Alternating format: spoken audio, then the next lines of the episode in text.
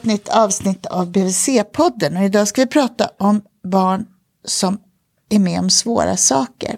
Jag heter Malin Bergström och är barnhälsovårdspsykolog och idag träffar jag Björn Tingberg som är legitimerad barnsjuksköterska och psykoterapeut. Och utbildare, gör mycket kurser om, på det här ämnet. Välkommen. Tack. Anna Norlén, jag är legitimerad psykolog, legitimerad psykoterapeut. Jobbar också med behandling och utbildning i frågor om barn och svåra påfrestningar. Och ni är här därför att ni har skrivit en bok ihop med någon som heter Kerstin Almqvist, men hon är inte här. Men ni har skrivit en bok som heter Barn, unga och trauma, att uppmärksamma, förstå och hjälpa. Mm. Och hur kom det sig att ni skrev den där boken? Att vi skrev den överhuvudtaget? Mm. Alltså vi har en bakgrund, vi tre, att göra en kurs på Karolinska institutet som heter just Barn, unga och trauma. Hette den från början, nu heter den Barn och trauma. Som egentligen är precis som upplägget i boken och under tiden vi har gjort de här kurserna, hur länge har vi gjort den? Sex år? Sex, sju år. Ja. Så har vi saknat en bra kurslitteratur till, till kursen. Och då tänkte vi till slut att vi får väl skriva den själva. Så det gjorde vi. Mm. Mm. Men är det någon annan utöver de som går den där kursen som har glädje av den här boken? Alltså vi, vi, skrev den ju också för att den faktiskt, tyvärr får man säga, mm. behövs. Idag kan man ju utbilda sig till psykolog eller sjuksköterska mm. eller socialsekreterare, socionom eller pedagog. Man kan jobba jättemycket med barn och i sin grundutbildning inte ha med sig något om hur barn påverkas av svårigheter. Det håller på att ändra sig, eh, men det kommer ta tid innan mm. det är genomfört så att säga. Och fram till dess så tänker jag att alla som jobbar med barn och möter barn och bryr sig om barn behöver orientera sig kring vad kan barn vara med om och hur kan de påverkas av det? Hur kan vi hjälpa dem? Mm. Nu när vi pratade så sa du Anna, först var det påfrestningar och sen var du med om jobbiga saker. Mm. Och, hur ska man tänka kring trauma? Är det liksom vad, vad, vad, menar ni med det? Vad handlar ja, men det, är, det är en bra fråga. För jag tycker när vi är ute och utbildar så börjar i alla fall jag väldigt mycket i den änden. Att liksom orientera kring vad är det för begrepp vi använder. Pratar man med sina kompisar liksom privat då kan man använda trauma som ett ord för att beskriva någonting som har varit jäkligt jobbigt. Säga det var traumatiskt. Det är ju helt i sin ordning. Men är man i en yrkesroll och kanske ska bedöma ett barn eller tänka ut vilken hjälp som behövs. Då är det plötsligt lite viktigt att använda begreppen på rätt sätt. Därför att de leder ju oss i eh, vilken insats, vilken hjälp jag ska föreslå. Eh, och då tänker jag att det ett, ett eh, tips kan vara att tänka att vad trauma betyder. Det betyder skada. Psykologisk skada i det här sammanhanget. Och det är lite bra att tänka på därför att vi pratar ofta om det som har hänt som traumat. Men egentligen är det ju effekten som vi är nyfikna på. Eh, och där är det så att om du och jag, Björn, är med om en läskig grej på ja. gatan här utanför sen, ja. så kan jag bli traumatiserad, det vill ja. säga skadad av det, ja. för att jag blev så himla rädd, medan ni två ja, kan... vi kanske klarar mm. oss. Så att och det är precis det som är lite klurigt med traumatisering. Att flera människor, flera barn kan vara med om samma sak och reagera väldigt olika. Beroende på vem man är, vad man har runt sig, vad man har varit med om tidigare och vad man har för ålder. Mm. Ehm, så vi behöver veta mer än vad som har hänt för att kunna bedöma eller uttala oss om ifall någonting är traumatiserande eller inte. Och är det något som är trauma, då betyder ju det att det här har gett liksom ett, bestående, en, best, en, reaktion som har blivit bestående och som hämmar på något sätt barnets hälsa och utveckling. Att man inte mår bra av det. För det är ju inte skadligt för barn att bli rädda. Nej. Det, är de, blir de ju hela tiden. Ja, det ja. Utan det är liksom att bli skräckslagen och rädd och att det inte går över. Men så och att man tänk, inte får ja, hjälp. Precis, och så då tänker man ju också att det är olika händelser som ger olika resultat på något sätt och efterverkningar. Ja, en trafikolycka eller sådär är ju en typ av trauma som man ju också kan bli traumatiserad av förstås. Men man kan ju också tänka sig ett livslångt trauma som barn, misshandel eller sexuella övergrepp eller någonting som sker i själva omsorgsmiljön hemma i en annan typ av trauma som kanske ger andra typer av konsekvenser på sikt. Och den där omsorgsmiljön, hur mm. tänker du då? Ja, då tänker jag att det är en person som barnet har en nära relation till. Det kan vara en mamma eller en pappa eller någon annan känd person som barnet kanske istället borde ha varit trygg med som utsätter. Och då kan det vara mm. övergrepp, men det kan också vara att barnet inte får kärlek och får mycket skäll eller? Absolut. Mm. Det kan ju vara våld i mm, olika mm, former. Det kan vara omsorgssvikt, alltså försummelse, att man inte får... Och vad är det i praktiken? Att man inte får gå till doktorn när man behöver, att man inte får hjälp att få medicin när man behöver, att man kanske inte får bra mat, att man inte har rätt eh, kläder, utrustning. Att man inte följer eh, vaccinationsprogram och går till tandläkaren enligt planen. Eller hånad eller ja. utskälld eller ja. någonting annat. Mm. Sånt. Mm. Men kan man tänka sig det att, för nu sa vi att alltså, hur jag påverkas av det här, det, på, det påverkas också av en massa saker, vem jag är och hur mm. jag har det för övrigt. Och så.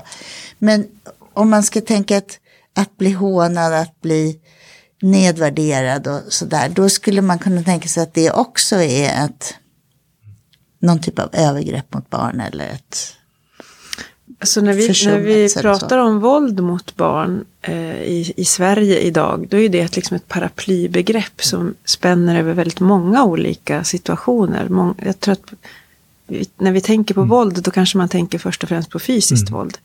Men våld mot barn, det är också psykiskt våld. Alltså nedvärdering, kränkningar, inlåsningar, den typen av liksom känslomässigt eh, våld. Det kan vara sexuella övergrepp, det kan också vara försummelse, det kan vara att på olika sätt utsätta barnet för eller inte kunna skydda barnet så att man blir otrygg. Mm. Och om vi tänker på det, hela det spektrat. Hur, vad, vad är proportionerna? Vad är vanligast att barn råkar ut för? Ja, av, av alla de där ah. sakerna så får man väl ändå säga att olika typer av försummelse är det vanligaste. Det är kanske den stora gruppen barn. Om man ska jämföra det med våld mot, alltså fysiskt våld mot barn eller sexuella övergrepp. Men det som Anna säger att det är liksom ett paraply begrepp och ibland så har vi kanske en önskan och en förmåga att liksom kategorisera dem där i någon sorts nivåskillnad också, som att sexuella övergrepp skulle vara absolut värsta man kan vara med om jämfört med fysiskt våld och försummelse kommer eh, sist. Men eh, så behöver det verkligen inte heller vara. Eh, för det beror på så många saker vad som har hänt runt omkring. Så att om jag lever i en familj där jag blir retad och hånad och skrattad åt och inte får omsorg då skulle det kunna åstadkomma lika stora skador hos mig psykologiskt, alltså som att jag blir utsatt för något som enskilda övergrepp till mm. exempel. Mm, det skulle, skulle kunna vara så. Mm. Vi delar ju, precis som Björn säger, så delar vi gärna upp det när vi pratar om våld mot barn. Vi beskriver fysiskt våld för sig och sexuella övergrepp för sig. Men när vi möter barn på våra jobb, du och jag, då är det ju tyvärr så kan man säga att samma barn ofta har varit med om flera olika typer mm. av svåra påfrestningar. Och grunden för väldigt många av dem är försummelsen. Det är liksom där som är jordmånen på något sätt för det andra att kunna börja växa. Mm. Och, och, där finns det ju ofta också vuxna som far illa och har det svårt och är utsatta för våld också. Så att man behöver ofta ta ett mm. grepp på alla inblandade runt ett barn som far illa. Det är inte bara barnet som har det svårt. Men där tänker jag att vi i professionen faktiskt har det svårt. Det är som att vi har ett behov av att tänka att barnet har varit med om bara en sak, för att det gör det lite lättare mm. för oss och inte tänka, som du säger nu, att ett barn oftast är drabbat av väldigt många saker. Och att det är det vi måste på något sätt ta hand om när vi träffar dem, som patienter, var vi än jobbar. Och då är det så att om ett barn inte är riktigt skyddat av någon så ökar risken att man råkar illa ut. Dels att den som skulle skyddat kanske själv får illa på olika sätt. Mm. Men också att barnet då blir mycket mer eh, löper större risker för att råka ut för annat också mm. förstås. Mm. Jag vill igen komma tillbaka till det här med psykologisk skada. Mm. Vad är det, om jag är med om någonting som traumatiserar mig eller skadar mig psykiskt, vad, vad är det för skada jag får då? Hos små barn så ser man egentligen att skadorna drabbar alla utvecklingsområden. Eh, hur man utvecklas inom det känslomässiga, hur man kan känna och känna igen känslor hos sig själv och andra, uttrycka dem på ett sätt så att det blir möjligt att förstå och möjligt att ta emot varandra. Eh, hur man utvecklas språkligt, motoriskt, socialt, i kontakt med kompisar eller andra vuxna. Hur man kan lära sig, förmågan att eh, utforska och lära sig, den kommer ju ur att man känner sig trygg. Så är man inte trygg, då hämmas förmågan att lära, lära in och vara nyfiken och vända sig ut mot världen. Eh, vi vet också att eh, förmågan att koncentrera sig, fokusera och minnas kan påverkas av att man har en psykisk skada. Så egentligen är det ju en utvecklingsskada. Och vi pratar ju också om utvecklingstrauma ofta när, när små barn är med om upprepade tillfällen av svåra påfrestningar över en tid. Kanske ett halvår, ett år eller flera år. Därför att påverkan blir så generell. Den kommer påverka alla utvecklingsområden inom barnet. Så man kan inte riktigt peka ut en aspekt bara, utan det kommer märkas på alla möjliga sätt. Att det här barnet har blivit hindrat i sin utveckling. Vi ska återkomma till det där med hur barn kan hur man kan upptäcka det på barn. Men först vill jag bara undra, att nu säger du små barn. Mm. Men är inte små barn ändå skyddade från det här? Jag tänker att det är skillnad när man är äldre och kan förstå och se vad man är med om. Men när man är liten så, så, ja, så kanske man inte uppfattar på samma sätt. Nej, jag tänker att vi vuxna vill gärna tro att det är så. Och det finns såklart situationer när det kan vara ett skydd att vara liten och vara med om svåra saker. Om de som tar hand om mig, de vuxna, om det nu är föräldrar eller några andra, om de lyckas hålla sig lugna och få mig att känna mig trygg i deras famn eller knä eller håller, håller mig i handen. Då kan det vara ett skydd att vara liten. Därför att det viktigaste, den viktigaste miljön för ett litet barn att känna sig tryggt i, det är omsorgsmiljön. Och, och vad är omsorgsmiljön? Ja, det är de vuxna som tar hand om mig. Just det, att jag är i någons ja. famn. Mm.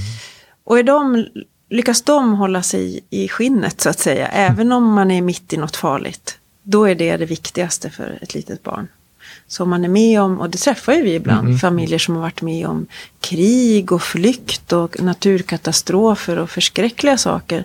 Men som har lyckats eh, intala både sig själva och sina små barn att det här kommer att gå bra. Vi klarar det här. Och då kan faktiskt en liten, kanske två, tre, fyraåring har, har märkt att det var något obehagligt men inte ta skada av det.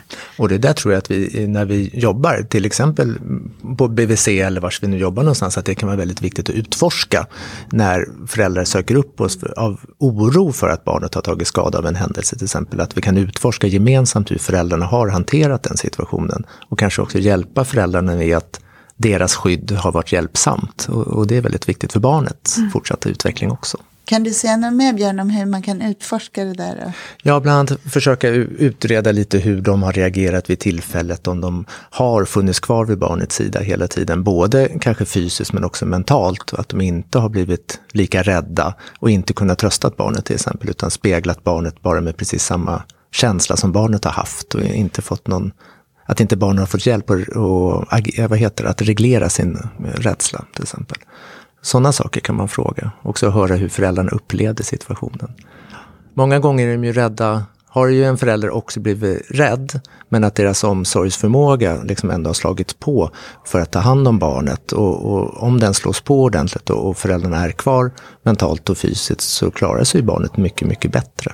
Nästan genom vilka situationer som helst. Men då menar ni att när det handlar om småbarn och man är med om svåra saker, då har man en väldig potential som förälder att kunna skydda barnet alltså. Mm.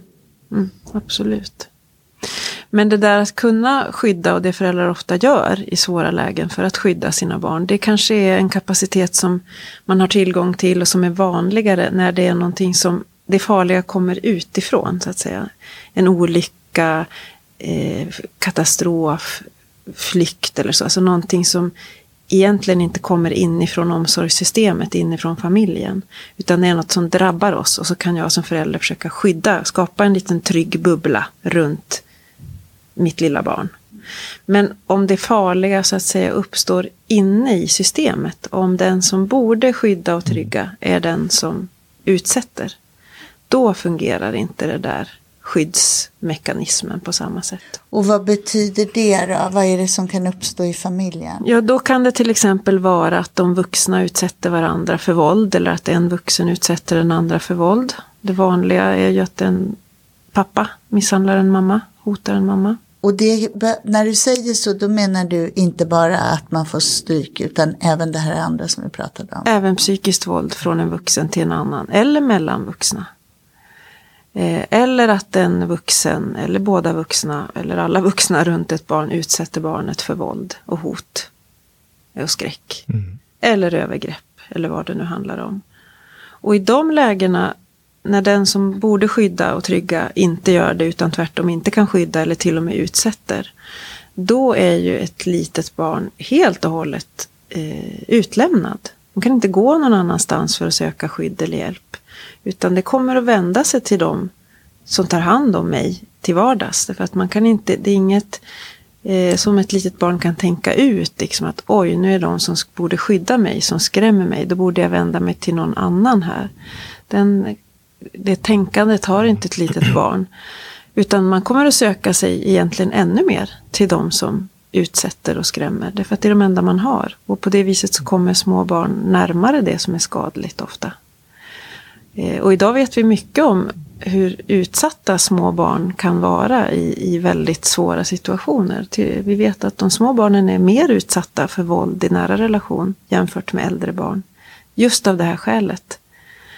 De är mer beroende, de är mer hemma, de vänder sig till dem som egentligen de borde skyddas ifrån. För jag tycker ändå att det skulle kunna vara en föreställning att man tänker att småbarn inte skulle märka så mycket eller så. Ja, det är väldigt vanligt att vi vuxna vill tänka så. Det tänker också vuxna som både har utsatt och blivit utsatta och där barnen har varit med. att mitt lilla barn märkte nog inte eller mitt lilla barn sov nog eller han har glömt det och sådär. Det är väldigt vanligt att man resonerar så. Och det är framförallt, tänker jag, inte för att man vill bagatellisera det som har skett utan för att man försöker skydda sin föräldraförmåga och tänka att jag har ändå gjort vad jag kan för att försöka skydda. Och det är ju en väldigt sund instinkt mm. som man kan bygga mycket eh, läkande på så att säga. Men man måste också eh, orka med, få hjälp att orka med och se att det blev inte så. För vi vet att små barn märker och tar in när det sker våld hemma till exempel.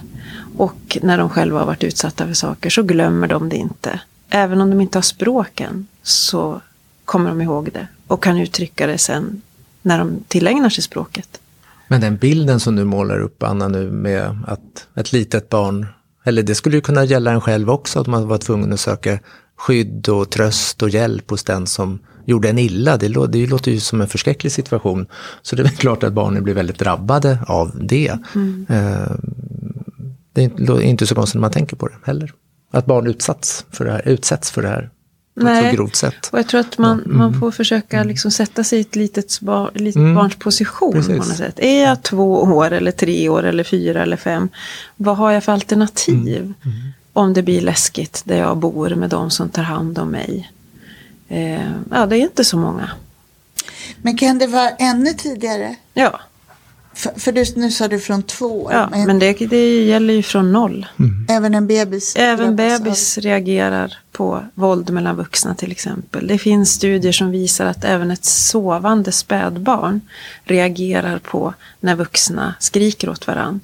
Pulsen går upp hos det lilla barnet och eh, barnet reagerar på något sätt biologiskt. Sen kanske inte det är skadligt, men en reaktion får vi. Jag tänker att det där är information som talar om för oss hur otroligt lyhörda småbarn är för sitt omsorgssystem, de vuxna som de lever med. Och att det, är det något små barn kan så är det ju att läsa av och tolka det känslomässiga runt dem. Kanske inte förstår vad som sägs, men de vet precis om det är snällt eller dumt. Eller om det är farligt. Och det reagerar de på med hela sin kropp. Eh, och det tänker jag att vi behöver verkligen ta till oss att små barn är otroligt beroende, lyhörda och sårbara. Hur kan man märka om ett barn har farit illa eller fått psykiska skador? Då? Ja, det är väldigt olika på något sätt beroende på barnets ålder och barnets kognitiva förmågor och lite sådär. Men jag tänker små barn som kanske inte har ett verbalt språk med ord och sådär, då får man ju kanske titta på hur barnets allmänna status här och nu är på något sätt. Och jag tycker man kanske kan se på riktigt små barn med att de har problem med sina vanliga rutiner, till exempel som att sova när de ska och äta när de ska och att man har svårt att koncentrera sig på det lilla som de har till uppgift liksom, att koncentrera sig på på något sätt, liksom, som att få i sig mat till exempel. Uh, så är någon rutinförändring. Men jobbar man på BVC till exempel så kan man ju, är ju viktkurvan jätte, jätteviktig och följa massa somatiska uh, parametrar kan ju också vara väldigt viktigt för den här gruppen barn som inte kan förmedla sig med språk för en utplanad viktkurva kan ju stå för många olika saker, men det kan också stå för att barnet inte har det riktigt bra i den här miljön som vi nu pratar om med sina brister i omsorgs eh, bland sina föräldrar. Mm. Så det som man spontant tänker att ett barn skulle bli oroligt, stökigt, skrikigt, bråkigt, mm. ängsligt. Svårt tröstat, svårt att komma till ro. Mm, mm. Men också avskärmat, mm. dra sig tillbaka. Alltså om, om barn. utforskande mm. beteendet mm. och nyfikenheten på andra människor, på att titta på andra barn, på andra mm. vuxna. Att undersöka leksaker och föremål och liksom upptäcka världen. Om den förmågan är svag så att säga så kan det ju vara ett barn som behöver lockas fram. Som är en sån typ. Mm. Men det kan ju också vara ett barn som är för otrygg för att våga så att säga. Eller som behöver använda all sin energi för att bevaka så att det inte händer något farligt. Hur frågar och pratar man om sånt här då? Med barn? För det är ändå rätt mm. vaga. Mm. Alltså man får kanske en känsla och man kan som förälder så tänka herregud vi har ju bråkat svinmycket och mm. hon har ju asvårt att mm. somna på kvällarna. Mm. Hur, alltså hur ska man få ordning på det här? För jag tänker barn har svårt att somna av tusen skäl. Ja, eller, ja, ni förstår jag menar. Mm. Och oftast är det ju något annat som Precis. är skälet. Men jag tänker som, som förälder och framförallt som professionell så är det viktigt att ändå eh, fråga sig vad, vad finns det för möjliga liksom, förklaringar till det här? Ja, det kan vara någonting med barnets utveckling, det kan vara något med magen, det kan vara något med kosten eller vad vet jag, sjukdom. Men det kan också vara någonting kring hur barnet har det som gör att eh, barnet reagerar. Och hur de har det på, i olika situationer. Det kan ju vara vad som har hänt på dagis eller vad som har hänt i skolan mm. eller hemma. Mm. Mm. Men, men grejen är väl att vi måste börja fråga barn. När vi ser ett, om ett barns beteende på olika sätt förändras framförallt, eller är svagt från början också för den delen, så kanske det är på sin plats att vi i professionen i alla fall kan börja intressera oss lite för vad barnet har varit med om, om någonting kan påverka det vi ser. Eh, jag tror vi är dåliga på det eh, när vi jobbar eh, och träffar barn och familjer att verkligen fråga vad som har hänt och om det är några sådana yttre orsaker eller inre orsaker som kan ha skadat barnet. Vad frågar man då? Hur gör man det där? Ja, det där kan man göra lite, beror lite också på hur gammal barnet är och, och, och, hur mycket språk man kan använda. Man måste tänka på att ha ett språk som barnet förstår. Och ibland så kanske man också måste hitta situationer när man kan prata med barnet när föräldrarna inte är närvarande, om det handlar om situationer som eh, handlar om den omedelbara familjen och, och försummelse eller våld i den. Eh, men man måste ju börja fråga någonstans och kanske det, kan man fråga föräldrar först hur de har det hemma till exempel. Jag tror inte vi ska vara så rädd, på, egentligen, rädd för hur vi frågar, bara att vi börjar fråga. Eh, Men finns det inte risker att man river upp saker då? Nej, alltså, jag tänker att själva frågan inte är någon risk i sig, för både vuxna och barn kan välja att inte svara till exempel vid det där tillfället. Eh, så kompetenta är de flesta människorna så de behöver inte bli så oroliga, eller man behöver inte vara orolig för det. Eh, och skulle någon bli ledsen och börja tänka på hur jobbigt de har det hemma, så är inte det heller farligt för barnet att bli ledsen över sin situation, utan det kanske till och med är bra just då. Och framförallt kanske att man är en vuxen person som verkar bry sig och är villig att lyssna på barnens historia. Det tror jag är värt mer än eh, att barnet varit ledsamt just när man frågar. Det tror jag inte man ska vara rädd för alls.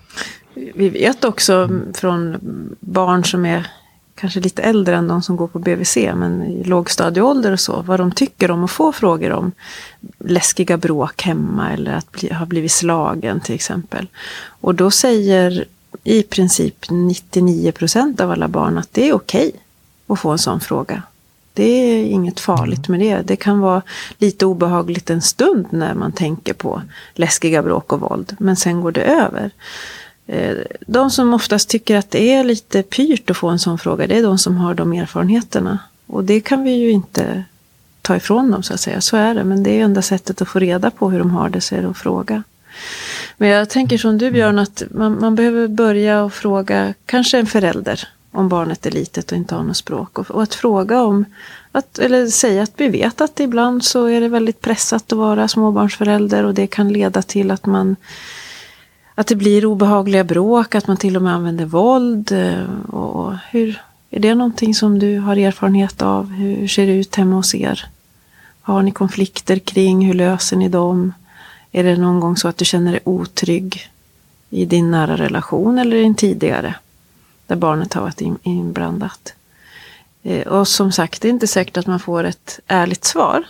Men det viktiga tror jag är att vi som jobbar med barn och föräldrar signalerar att vi vet att så här kan det tyvärr gå mm. ibland. Och vi är beredda att försöka prata om det och försöka hjälpa till. Eh, och så, så har man en känsla när man har frågat om, om våld eh, eller någonting annat som man är orolig för. Och så tänker man att men jag, undrar vad det är, det känns inte som det här jag är inte säker på att jag fick ett ärligt svar. Så kan man ju återkomma nästa gång och fråga, det där som jag frågade om sist. Har du tänkt något mer på det? För jag undrar ändå. Eh, men vi vet att det är, det är svårt att fråga om. Och det tycker jag vi ska ha respekt mm. för. Därför att man är rädd för att orsaka skada. Eller oroa. Men man kanske också är lika rädd för vad ska jag göra om någon säger att ja, jag är, mitt barn är utsatt för våld. Eller jag är rädd. Jag blir rädd för att bli slagen hemma till exempel som vuxen. Vad ska jag göra då? Så att när vi pratar så låter det ganska lätt. Men det är det enda vi gör på dagarna, så är det att prata om sådana här saker. Kan man lita eh. på att man kan hjälpa då? Ja, det tänker jag att det, det, det, det, är inte alltid så lätt att hjälpa. Och man behöver ofta hjälpas åt. Många olika professioner, många olika verksamheter. Men eh, det går. Och det, steg ett är att liksom visa på olika sätt att jag är beredd att, att försöka prata om de här sakerna. Vågar barn, kan barn berätta om de inte har det bra? Gör barn det? Alltså min erfarenhet är att de kan det. Mm. Och att de gör det. Men det är inte säkert att de gör det spontant. Eh, och kommer och ber om hjälp så att säga. Eh, och i den mån de gör det, för det, är det några som berättar om hur de har det så är det ju faktiskt barn i förskoleålder. Mm. Men de berättar ofta på ett sätt så att de vuxna inte riktigt begriper vad det handlar om. För att de har inte rätt begrepp för att beskriva våld till exempel. Utan någon kanske säger bråk eller att eller någon dum. är dum eller arg eller jag vill inte gå till den eller den. Och det är ju sånt som barn, det är ord de använder för alla möjliga saker. Och då reagerar ju vi vuxna väldigt intuitivt som vi ska. Vi vill skydda och trösta och lugna och så säger vi ja men alla mammor och pappor bråkar, det går nog över ska du se. Eller ja men alla är dumma ibland och det kommer att ordna sig och berätta för någon och sådär. Så att vi, vi borde egentligen när barn försöker berätta om något som är bekymmer för dem vara väldigt, väldigt nyfikna. Och liksom mm. så här, men hur då? Mm. När då? När hände det? Hur var det? Berätta mer. Hur slutade bråket? Och vad gjorde den? Vad sa den? Och precis som när barn vill berätta något kul när vi blir jättenyfikna så borde vi stanna upp och liksom hålla kontakten levande och fördjupa den när de vill berätta något som är problematiskt. Det där tycker jag att ni har gett jättefina exempel på i den här boken. Vi mm. kommer länka till boken också i podden. Ja, kul För att höra. Jag tycker verkligen att man kunde ha konkret hjälp av det. Och man kan få exempel både på samtal, alltså den här typen av hur vi stoppar samtal mm. med barn utan, i all välmening därför att man mm. vill trösta lite mm. eller så. Och hur man med små frågor istället kan öppna upp för ett samtal. Mm. Jag tänker också att många som jobbar kanske på förskola eller BVC eller något sånt där. När de, om de får ett förtroende eller börjar mm. ana att här är det något barn som inte har det bra. Då är det väldigt lätt för oss att tänka att nu ska det här barnet prata med en expert. som kan mycket om små barn och utsatthet och så. Och det är ju ingen dum tanke på något sätt. Det är bara det att den experten, om den finns, så är den sannolikt långt ifrån det här barnet. Det kanske både tid och fysiskt. Och det kommer att ta ganska lång tid innan man kommer fram dit. Och då kanske inte barnet vill prata. Så är det någon som börjar berätta något så tänker jag att då får man ta emot det som en jättefin present man har fått. Man är utvald. Mm, verkligen så. Mm. Så kanske inte det känns bekvämt och man kanske inte är rätt person. Men barnet har valt för att man, han eller hon litar på en. Och vad är egentligen rätt person?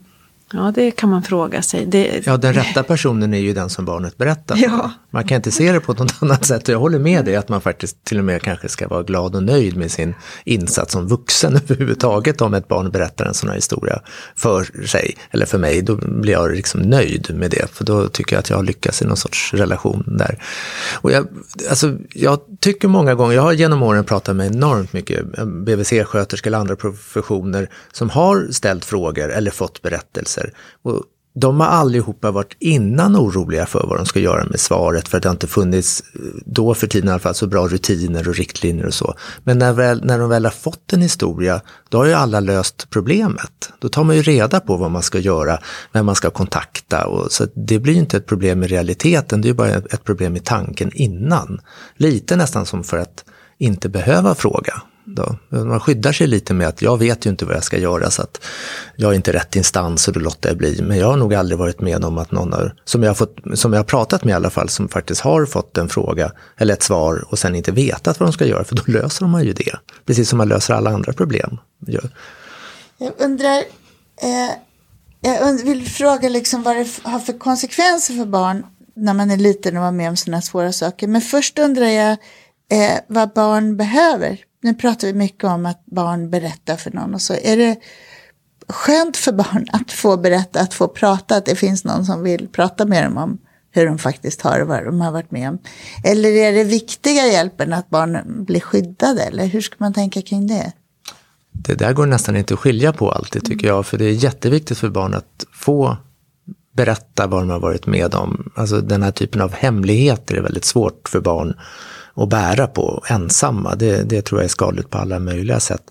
Men det går inte heller att skilja från skyddet för att inte fortsätta utsättas. Det är också väldigt, väldigt viktigt. Och de hör ju också väldigt mycket ihop med varandra naturligtvis. Eh, men jag tänker också att barn, beroende lite på ålder, så får ju barn också större konsekvenstänkande. En del barn som är lite större i skolåldern och så, de kan ju också på något sätt tänka kring om jag berättar det här, då kanske det kommer hända, då kanske det här händer, att då kommer inte jag få se min pappa mer, då kommer han i fängelse. Alltså många andra problem som, är, som skapar, skapar problem för barnen att berätta, ju större de blir, att de får ett annat konsekvenstänkande och kan hindra deras eh, historia, tycker jag. Och, och det är ju också sant. Alltså berättar de och det blir en polisutredning och en socialtjänstutredning. Det kan hända vad som helst för det barnet och den osäkerheten är ju svår för ett barn också. Vad är det, som, ja, det är svårt för barn att inte veta. Mm. Barn har ju ett behov av att veta, eller det har vi väl alla, ett behov av att veta. Och det där är knepet för barn. Mm. Men det är ju ofta skönt för barn att få bekräftat mm. att så som du har det, eller så som vi är oroliga för att du har det, eller så som du berättar att du har det, så ska barn inte ha det det, det, måste vi försöka ändra på. Men ha, liksom skyddet och att få berätta om hur man har det eller har haft det, det går verkligen hand mm, i hand. Mm. Och hänger ihop. Mm, mycket. Mm. Mm. Hur påverkar det små barn då att vara med om sådana här svåra saker eller att inte få sina behov tillfredsställda? Kan påverka barn på så många sätt. Det finns ju jättemycket forskning numera på hur man har haft det som barn och hur man får det som vuxen. Eh, ACE-studien brukar man liksom referera till, eller ACE, Adverse Childhood Experience, där man har följt, det finns jättestora studier med enormt stora populationer de där studierna, där man tittar på hur man har haft det som barn och hur man mår som vuxen. Också ett långt perspektiv, så inte liksom bara hur man mår just här och nu. Det som är speciellt med de här studierna, det är att man både täcker in fysiskt våld, eh, sexuella övergrepp, men också olika försummelser, men som förluster och, och sorg och sådana saker finns med i de där eh, liksom, kategorierna. Det som var förvånande när studierna kom, det var att det inte bara ger effekter på den psykologiska sidan, att man kanske blir deprimerad och får mer ångest och, och kanske tar mera droger och eh, dricker mer och sådana saker. Man kunde också se tydliga kopplingar till ju fler kategorier av dåligheter man varit med om som barn, ju större risk var det också att man fick olika fysiska och somatiska sjukdomar som hjärt-kärlsjukdomar eller diabetes eller för den delen mag-tarmcancer. Så effekten av att ha det dåligt som barn sträcker sig enormt långt i framtiden som vuxen. Och inte bara som jag har det just nu, att jag mår dåligt av det just nu, utan jag kommer också må dåligt av det som vuxen. Vet man något om hur de där mekanismerna ser ut? Det har väldigt mycket sin grund i att eh, när vi är barn så är vår hjärna outvecklad. Men i en väldigt intensiv utveckling. Och alla organ, inklusive hjärnan som är under utveckling, är väldigt sensitiva för påverkan. Så är jag ett barn så har jag en hjärna som är väldigt känslig för vilken stimulans jag får. Och får jag då vara med om väldigt många situationer där jag känner mig hjälplös, skräckslagen, rädd, utsatt och inte får skydd och inte får tröst. Då kommer det att påverka hela stressresponssystemet där hjärnan är en viktig del men hela nervsystemet och beteendesystem är inblandade och det kommer att grundlägga eh, regleringssvårigheter som mm. vi säger. Så att jag kommer få svårare att ta hand om eh, mina känslor av eh, oro, ångest, nedstämdhet, sorg. Och då finns det en stor risk att jag tar till olika medel för att lugna och trygga mig själv. Som till exempel för mycket mat, för mycket droger, för mycket alkohol, cigaretter. Allt sånt som kan lugna mitt nervsystem och hjälpa mig att ta hand om svåra känslor. Och eftersom det som sker kanske är så tidigt i livet så är det inte säkert att jag ens som vuxen kopplar ihop mitt destruktiva beteende när jag är 25 eller 15 eller 35 mm. med det som hände för många, många år sedan. Så det är ju ett väldigt liksom, komplext på sätt och vis samband. Eh, det som vi eh, drabbas av i barndomen och hur det påverkar oss i ett hälsoperspektiv kanske 30 år senare. Och vi vet ju genom den här forskningen också att eh, människor klarar några få påfrestningar utan att det ska få förödande konsekvenser. Men har vi liksom kanske fyra, fem olika typer av eh, negativa omständigheter i vårt liv tidigt så kommer det att få en väldigt djup eh, påverkan på hela vår utveckling och inklusive det här då hur vi kan reglera våra känslor. Och då ser vi att för de allra mest belastade barnen som kanske har varit med om sju, åtta olika typer av svårigheter. Våld i olika former, mm. försummelse, växt upp i ett hem med missbruk, psykisk ohälsa hos de vuxna. Hos dem får vi en sån kraftig påverkan så att livet eh, förkortas med upp till 20 år. Och det är ju mycket i en människas liv. Och där har vi svenska studier på också, så det är ingenting som gäller bara, bara i USA. I USA utan det finns en mängd studier från hela världen som pekar i samma riktning. Så att det, det här är ju en förståelse som man skulle önska att hälso och sjukvården mm -hmm. tog till sig i lite större grad. För vi kan bespara folk väldigt mycket lidande. Och ibland önskar jag att politiker tog till sig det här för då skulle man kunna se mm. vad mycket pengar vi kan spara. Ja, hälsoekonomiskt är det ja. en stor och det är inte bara lidande som du säger nu, precis här och nu, under tiden man till exempel blir misshandlad eller har det dåligt, utan det är ett lidande som kommer sträcka sig väldigt lång tid, kanske hela ens liv på olika sätt. Vad kan vi göra då, om vi nu låtsas att vi får mm. den, här, den här kunskapen och de här resurserna, vad gör vi för att spara de här pengarna då? Eller spara lidande. Så jag tänker på det här gamla underbara mantrat tidiga insatser. Mm. Nu har vi liksom ännu mer argument för att tidigt stötta och skydda barn som inte har det bra. För det handlar om deras hälsoutveckling i ett livsperspektiv verkligen. Och det vi behöver göra, vad är det? Är det att vi behöver se till att den här som ska ta hand om barnet och skydda dem från det svåra ska göra det på ett sånt där fint sätt som ni beskrev Ja. förut. Jag, menar, jag tänker att det, det handlar inte bara om att liksom gå och spana efter barn som far illa och ta dem från deras föräldrar. Utan det handlar ju om att, att se ett sammanhang runt barnet och se vad finns det för finns det riskfaktorer här? Vad finns det också för resurser? För det finns det ju nästan alltid. Och att bygga på det som är, är resurser eh, och föra till sånt som saknas. Mm. Vad kan Ja. det vara som förs Ja, till? Ja, tidiga preventiva program för föräldraskap, stödjande till exempel. Det är nästan det enda man ser i forskningen som är det verkligt hjälpsamma. Det är tidiga insatser i föräldraskapet. Hembesök Ja. har en väldigt preventiv effekt, ser man. Till exempel. Allt sånt som gör att föräldrar får stöd och fungera så bra som möjligt kommer ju att gynna barnen. Eh, en annan eh, grej så att säga, som intresserar mig mycket nu det är också vad vi kan göra för att stödja barns lek. Därför att vi vet att lek det är ju liksom själva verktyget för barn att lära sig och utvecklas. Och ordnar vi så att barn är så trygga så att de kan börja leka då får man igång väldigt positiva utvecklingscirklar. Så att stödja föräldrar att leka med sina barn och liksom ibland behöver man visa hur gör man. Det är inte alla föräldrar som hittar det där i sig själva. Handlar det om att man liksom på något sätt vilar när man leker och att det blir kul? Eller handlar det om att man bearbetar saker? Nej, det handlar nog mer om att man använder sina förmågor, man får stimulans. När vi, när vi är trygga så blir vi nyfikna och så börjar vi utforska. Då upptäcker vi en massa saker. Även om vi är noll år eller fem år så upptäcker vi saker. Eller 53? Eller 53. Och när vi upptäcker saker då blir vi glada. Eh, oavsett ålder. Och då vill vi göra det igen.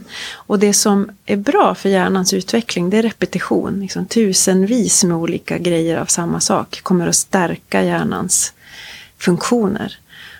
Och när vi repeterar då känner vi oss kompetenta för vi lär oss en massa saker, känner oss trygga med det. Och då är vi tryggare, då är vår känsla av trygghet stärkt och då blir vi mer nyfikna. Så det där går liksom runt och förstärker sig självt. Så får man fart på leken så finns det så otroligt mycket att vinna. Eh, Och får man med föräldrar och barn i det tillsammans, då stärks ju deras relation också. Så Sen är ju leken en viss, till viss del också ett sätt för barnet att berätta Ja. om händelser också. Det ska man inte heller glömma bort, utan man kan använda leken.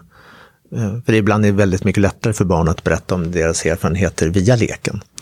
Det är ett litet avstånd liksom till jaget och det är rätt skönt för Man barn. kan ju genom lek undersöka sånt som är svårt för en. Bråk till exempel kan man leka om. Och har man då en, en vuxen med som har lite span på att men det här är något som det här barnet försöker förstå. Vad händer när det blir bråk?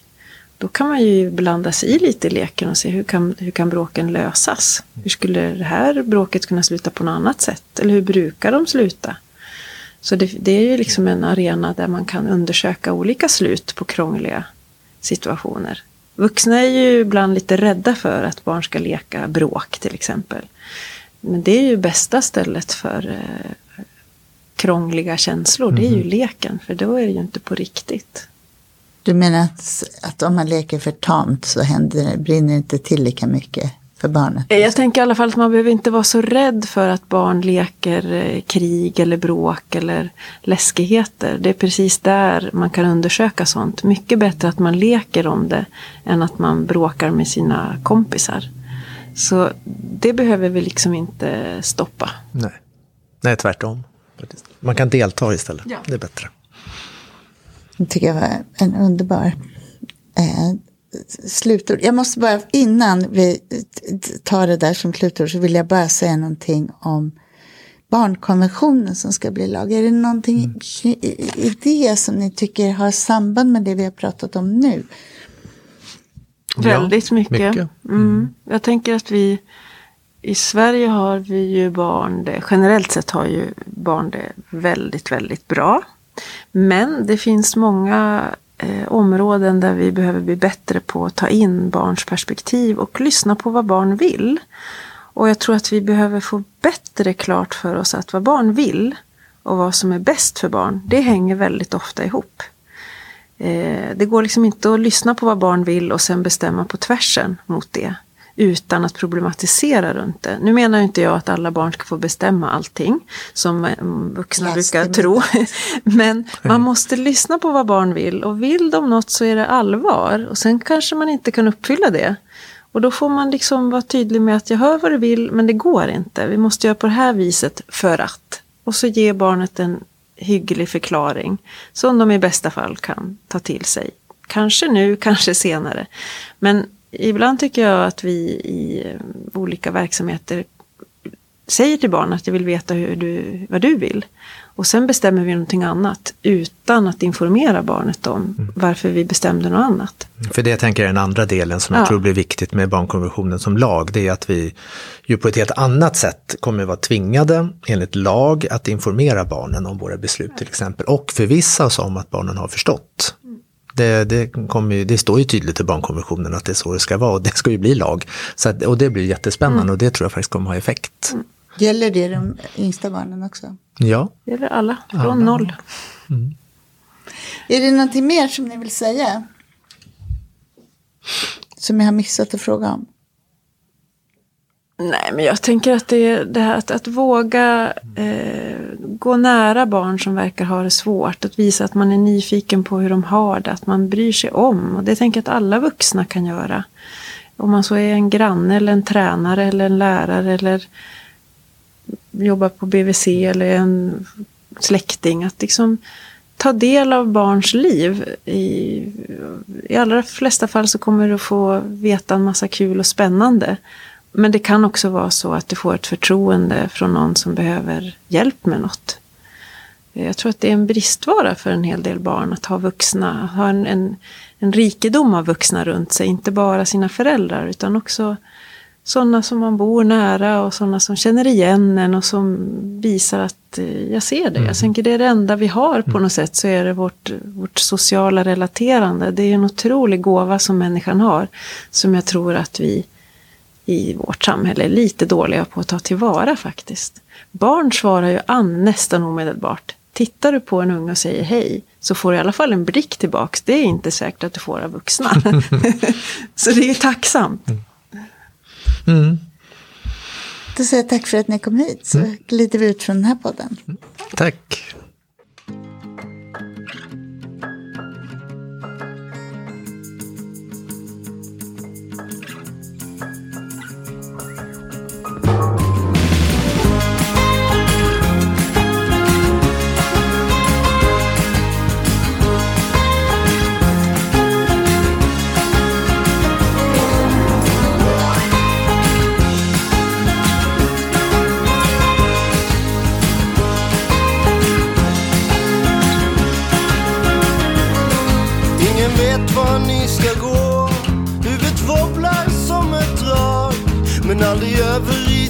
Så. Ett på djupet neverending slag. När era radiostyrda röster. Ömsint kittlar min fantasi. Flipper spelar sönder impulserna för mitt självbedrägeri. När ni skjuter ut i natten finns det inget av mig kvar. Alla döda ögonskratten Bara vakten minns vem som var. När ni cementerar kvällen är det utan min frenesi? Den insomnade tunneln Vaknar aldrig mer till liv. Ut i natt.